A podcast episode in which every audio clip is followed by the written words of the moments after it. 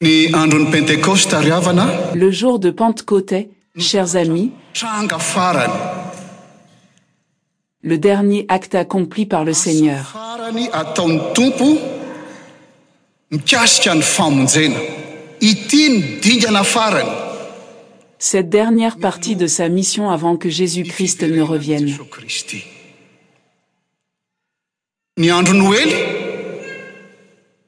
noël que nous avons célébré ni natongava jo cris elle a venu de jésus-christ dieu à l'origine de toute chose qui est arrivée sous la forme humaine a habité parmi nous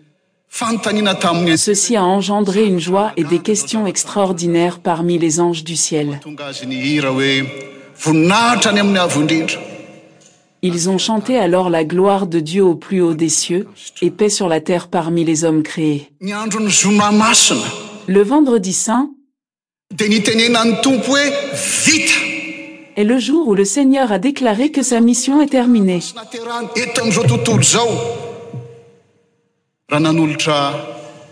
sa mission d'être venue et d'être née dans ce monde a été accomplie quand il est mort en offrande afin de payer nos péchés le jour de pâque où il a ressuscitéest le jour où il a vaincu la mort et où il nous a justifiéle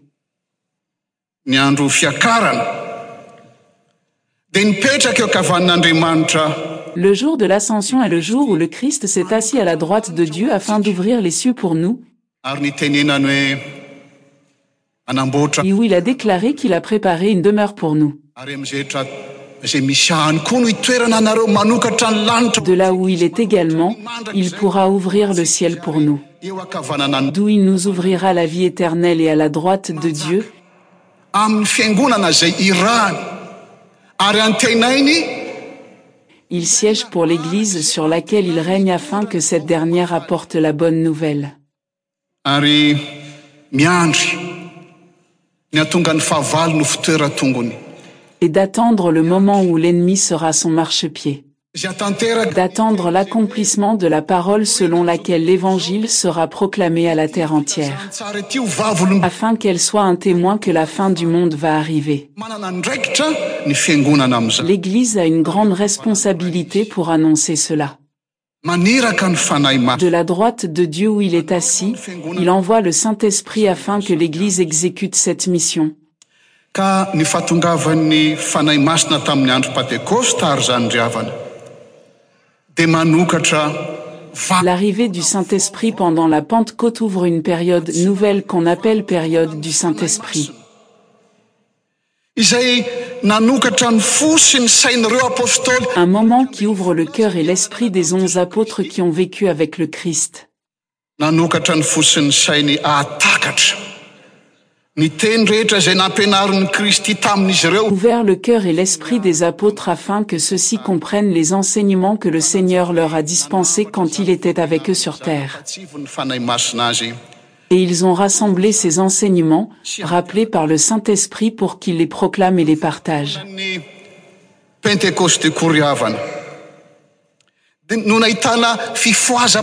c'est pendant cette période de la pantecôte qu'il y a eu le premier réveil spirituel où dieu a montré sa puissance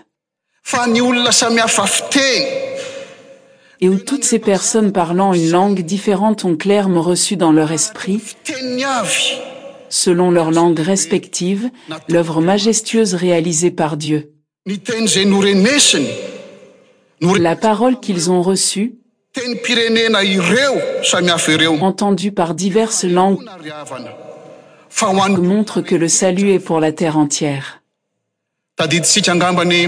nous nous rappelons tel que ça a été dit dans l'ancien testamentlors de la tour de babel que la langue de la terre entière a été confondue de manière à ce que les gens ne se comprennent plus les langues ont été confondues ici à jérusalem chers amisen revanche cette barrière de la langue a été enlevée de façon miraculeuse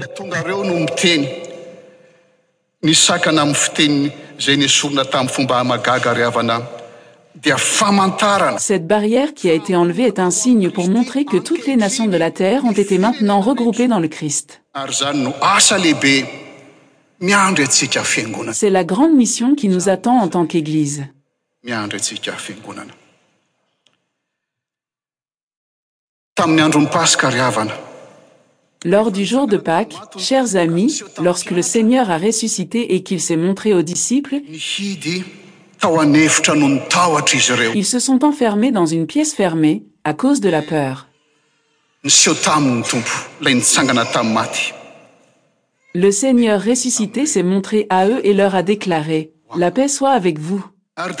puis il a fortifié les disciples selon l'évangile que nous venons de lire et quand il a terminé cet encouragement il a donné un souffle de vie aux disciples et il a déclaré rso ni fanamasna recevez le saint-esprit nanisintom fofninnnnmnce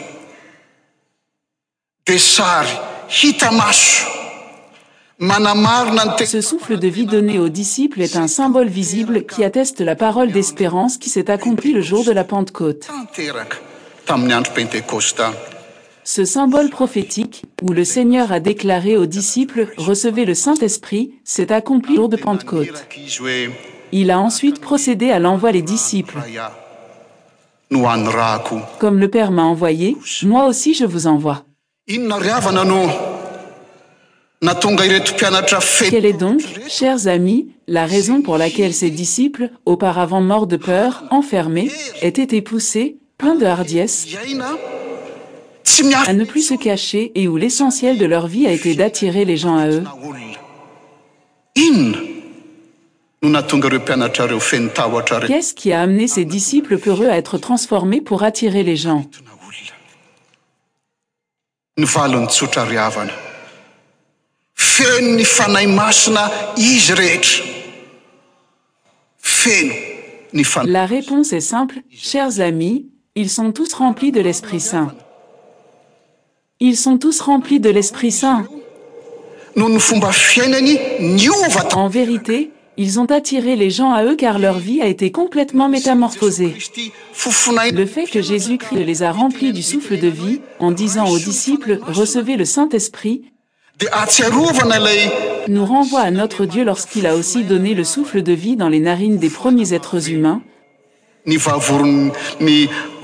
à l'origine formée à partir de la poussière harolquand il nous a créés et qu'il nous a donné la vie lorsqu'il nous a insufflé la vief fofnaina mavela ar ni fanaimasna riavana de même l'esprit saint chers amis nous a aussi fait devenir une nouvelle création de la même manière que les premiers êtres humains ont été créésolombelna voloany ar où ni soratra masina oe efa lasa n ava la parole nous rappelle les choses anciennes sont passées voici toutes choses sont devenues nouvelles ny fanomezana ny fanai masna riavana noazotsika manatanteraka illazai n tompo le don du saint-esprit nous permet d'accomplir ce que le seigneur nous a dit comme le père m'a envoyé moi aussi je vous envoienfanotanina mpetraka de zao la question qui se pose à nous est maintenantest-ce que l'église a accompli cette mission et quand on parle de l'église on parle de vous et moi en tant que croyant et ne pensez pas juste au pasteur ou au diacre vous et moi en tant que croyant est-ce que l'église accomplit sa mission est-ce que l'église est encore réveillée en effet en ce temps-là l'église était bien réveillée e état remplie de l'esprit saint est-ce que l'église actuelle est-elle encore remplie de l'esprit saint c'est la question qui se pose l'église à éphèse qui a été créée il 'y a pas longtemps après la pentecôte paul les a écrits une lettre et voici ce qui est écritphsien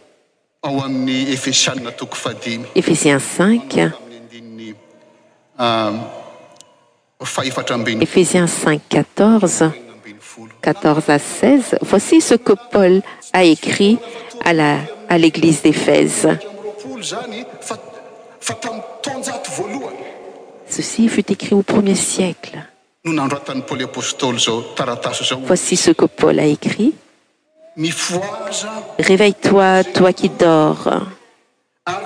relève-toi d'entre les morts et christ déclairera prenez donc garde afin de vous conduire avec circonspection non comme des insensés mais comme des sages rachetez le temps car les jours sont mauvais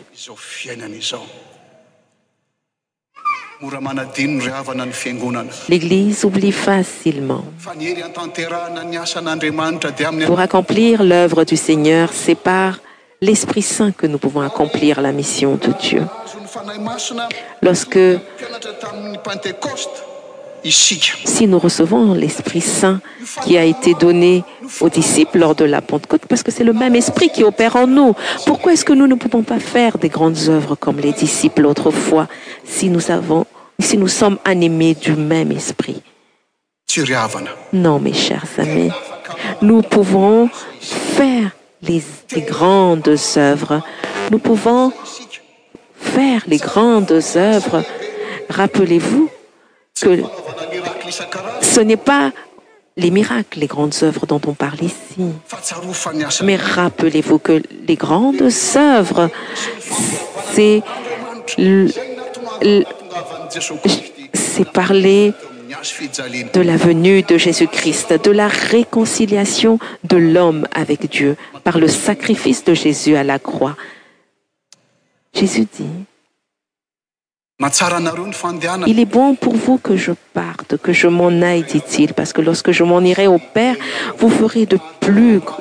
de grandes œuvres et de plus grandes œuvres que parce que je m'en vais au père nous en avons déjà parlé est-ce que nous allons faire de plus grandes œuvres que le christ non bien évidemment mais les grandes œuvres qui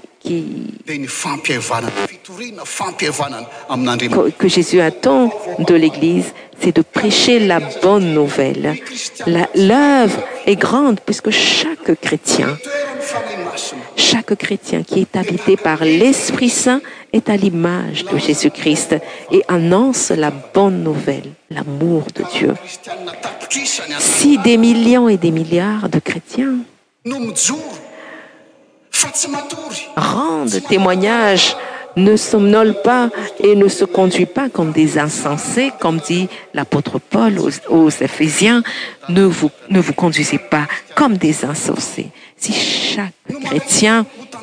accepte d'être guidé par l'esprit saint l'église feal'esprit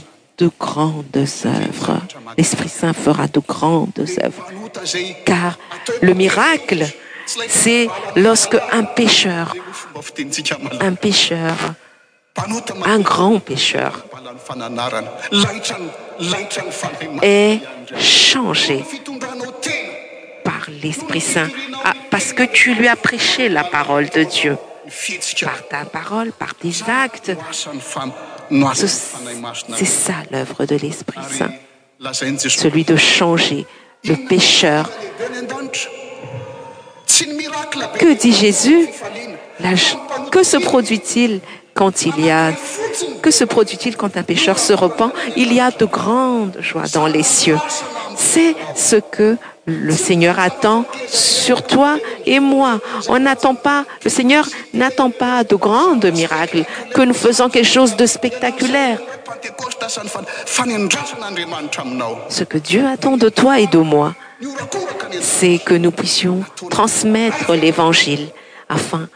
est-ce que tu as pu convertir une personne pour dieu afin qu'ils puissent se repentir et être réconcilié avec dieu c'est ce que jésus a dit recevez l'esprit saint ceux à qui vous pardonnerez les péchés ils leur seront pardonnés et ceux à qui vous ne les pardonnez pas illeurprêchez donc euh, le pardon la bonne nouvelle c'est ainsi que celui qui ne connaît pas le christ puisse être réconcilié avec dieu après s'il non veut pas c'est son problème mais si toi tu ne prêches pas comment va-t-il connaître l'œuvre que jésus a fait l'amour de dieule c'est pourquoi mes chers amis à commencer par nous doncnous devons donc ar se pardonner mutuellement demander pardon et être réconcilié avec dieu ne nous dépêchons pas pour aller prêcher mais toi qi euh, qi va accomplir de grandes œuvres es-ce qe utu sais pardonne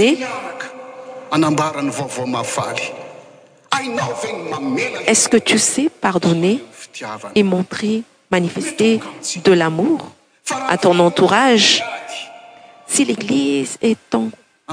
en perpétuelle discorde il est triste parce que de nos jours l'église n'est plus crédible ece qui se passe à l'intérieur de l'églisel'église n'est plus crédible les gens du dehors disent euh, regardez les ils se disputent entre eux je veux pas aller à l'église je préfère rester chez moi mes chers amis ne restez pas chez vous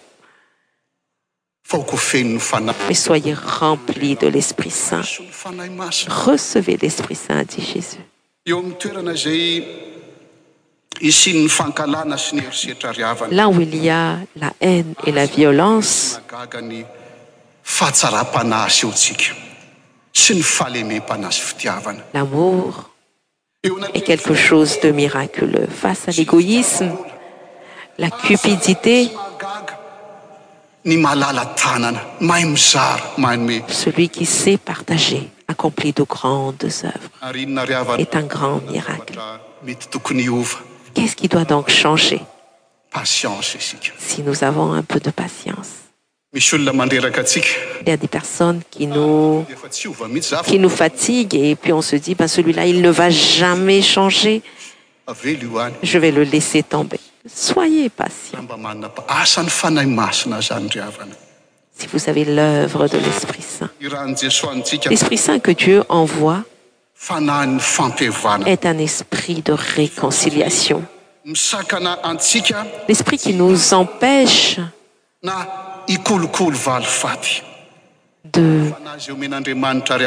de se morphande dans la vengeance c'est l'esprit de dieu l'esprit de dieu nous incite à faire le bien et la justice le monde dans lequel nous vivons à besoin d'être réconciliés avec dieu et avec autrui il y a beaucoup de pays au sein de ce monde euh. qui souffrent à cause de l'amour de la gloire de la cupidité le monde est détruit comme il a été dit beaucoup ne veulent plus croire à cause de l'église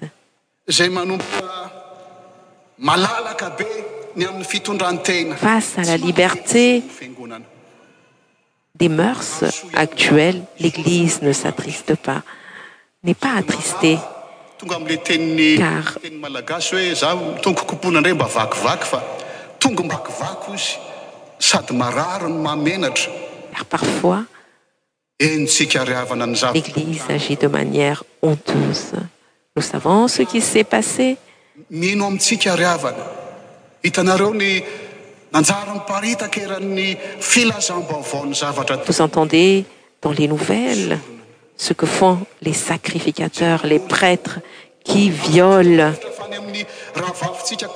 ne croyez pas que c'est seulement dans les églises catholiques qu'il y a cela même chez les protestants cela existe c'est quelque chose qui fait mallapôtre paul dit réveille-toi toi i dors réveille toi d'entre les morts laisse l'esprit saint téclairer l'esprit saint ne change pas